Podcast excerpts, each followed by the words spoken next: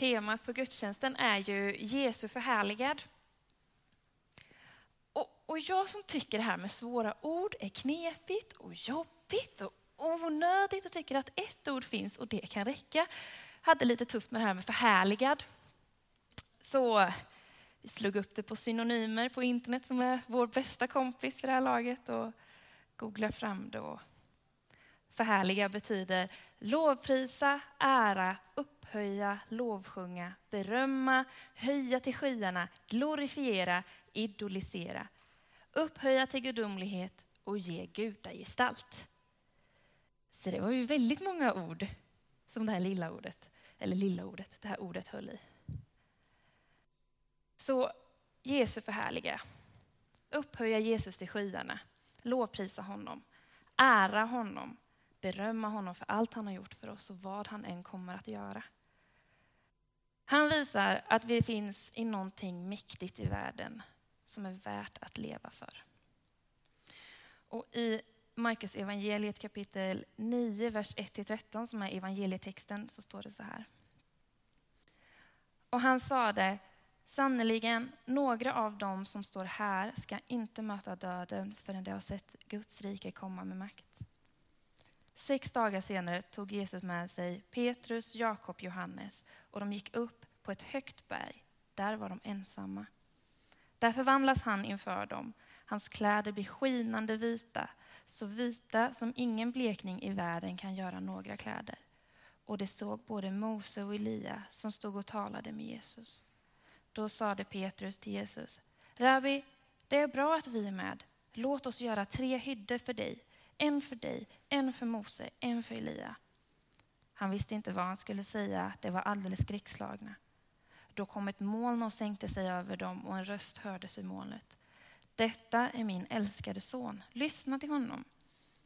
Och plötsligt när de såg sig om kunde de inte se någon annan där än Jesus. När de gick ner för berget förbjöd, de, förbjöd han dem att berätta för någon vad de hade sett innan Människosonen hade uppstått från de döda. De fäste sig vid orden, undrade sinsemellan vad som menades med att uppstå från de döda och de frågade honom. Varför säger de skriftlärda att Elia måste komma först? Han svarade, visst kommer Elia först och återställer allt. Men varför står det skrivet att Människosonen ska lida mycket och bli föraktad? Jag säger er, Elia har redan kommit. Men med honom gjorde de vad de ville, som det står skrivet.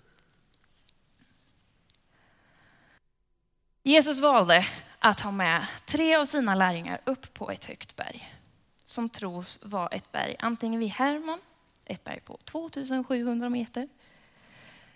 Och det stämmer ju med texten att det är ett högt berg. Men det kan också vara ett berg nordöst om Caesarea Filippi eller Tabor om resan gick lite söderut. Lite sidospår, men det är alltid kul att försöka föreställa sig vart det kan utspela sig. Jesus hade alltså med sig Jakob, Johannes och Petrus upp på berget helt ensamma. Ingen annan där. Hans kläder var vita. Vitare än vad någon blekning kan göra. Och jag tänker att när det här skrevs för 2000 år sedan så har det kommit ännu starkare blekning idag. Men det är alltså starkare än den blekningen som finns idag. Så jag har lite svårt att föreställa mig hur skinande vit det är. Men jag tänker att sidentyg och när något starkt ljus lyser på det så blir det så glimmande vackert. Någonting åt det hållet. Och inte bara förvandlas han med nya tyger. Han står där och pratar med två människor. Människor som de kanske inte riktigt kände igen, men de förstod sen vilka det var. Mose, den första laggivaren, han som för folket från Egypten till Israel. Och Elia, den första stora profeten. Han som skulle göra världen bättre, men folket lyssnade inte riktigt på honom. Jesus stod och pratade med dem, skinande vita som en gudagestalt. Och inte nog med att Jesus stod där och pratade med två människor som har dött för länge, länge sedan. Så kommer en röst i ett moln ner. Kanske lite som i Lejonkungen. Ni vet när Mufasa har dött och Simba ska försöka återvända till lejonriket och han kommer där med apan Rafiki och, och så kommer det en, ett moln, ett stort åskoväder kommer med Mufasas, Simbas pappas röst som säger glöm inte vem du är. Och här kommer det en röst. Detta är min älskade son, lyssna på honom. Hade jag varit en av lärjungarna hade jag nog stått och gapat. Ett sånt gap som man bara, ah, är detta jag ser verkligen verkligt? Eller drömmer jag? Hur beter man sig nu? Vad säger man? Jakob, Johannes och Petrus vet inte riktigt vad de ska göra, men de känner att de måste göra något. Prisa dem, ära dem. De erbjuder sig att bygga tre hyddor, en åt Mose, en åt Elia, en åt Jesus. Och I Livets stora handbok till Bibeln så står det att hyddor kan betyda tempel. De ville bygga på plats, bygga hyddor eller tempel. Ett bevis för vad de vill lovprisa och ära dem. Ett ställe där något skedde, något gudomligt, en förvandling, inte bara Jesus kläder, utan att det förstod vem han var. En röst som säger till honom, lyssna till honom.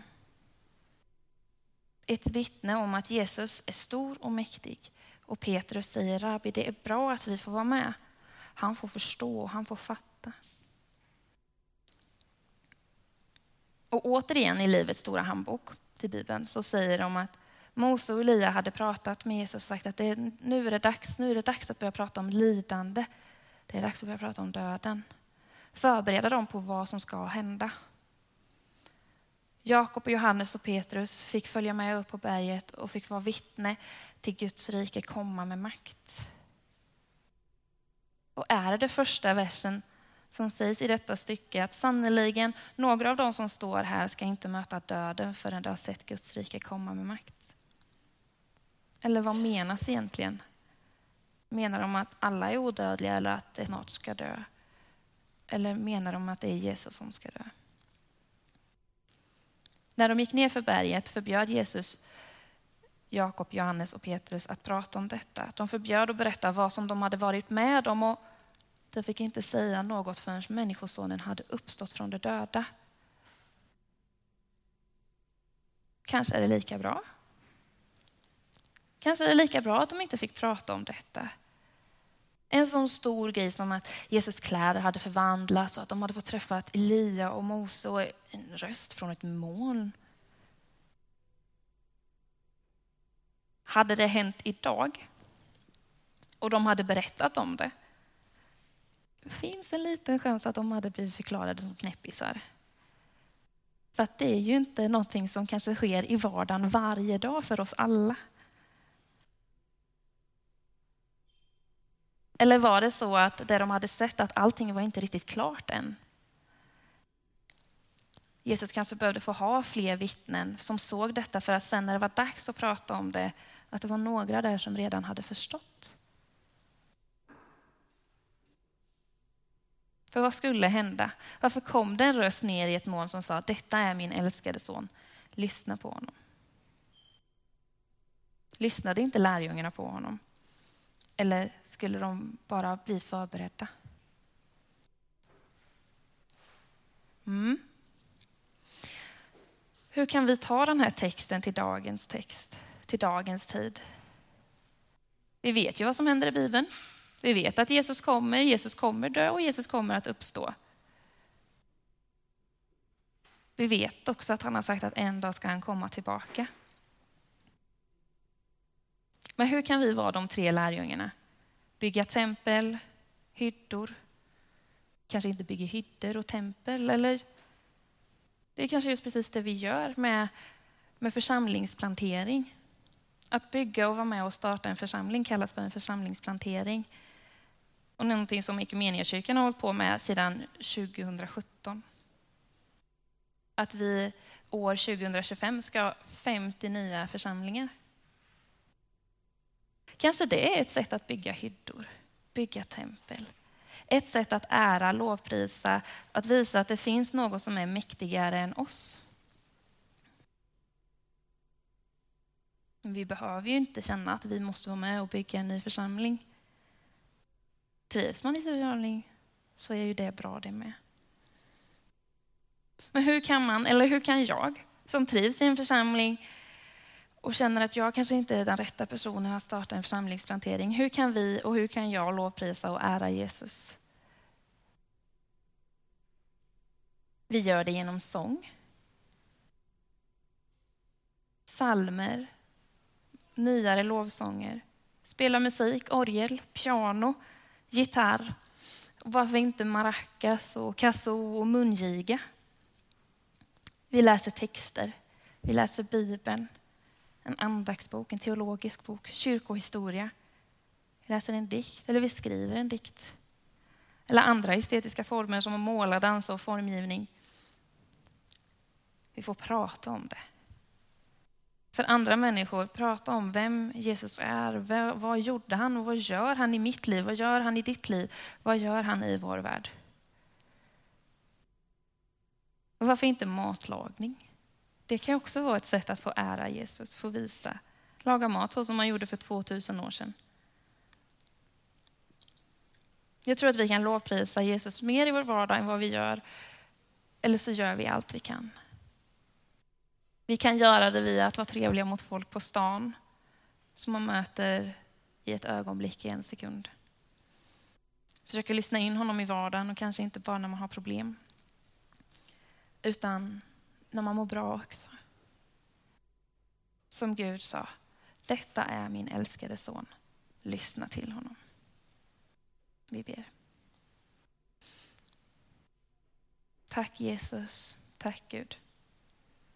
Tack för att vi får läsa om vad som hänt och vad vi behöver tänka på i världen, i vår vardag och relationer till oss själva och med varandra och med dig.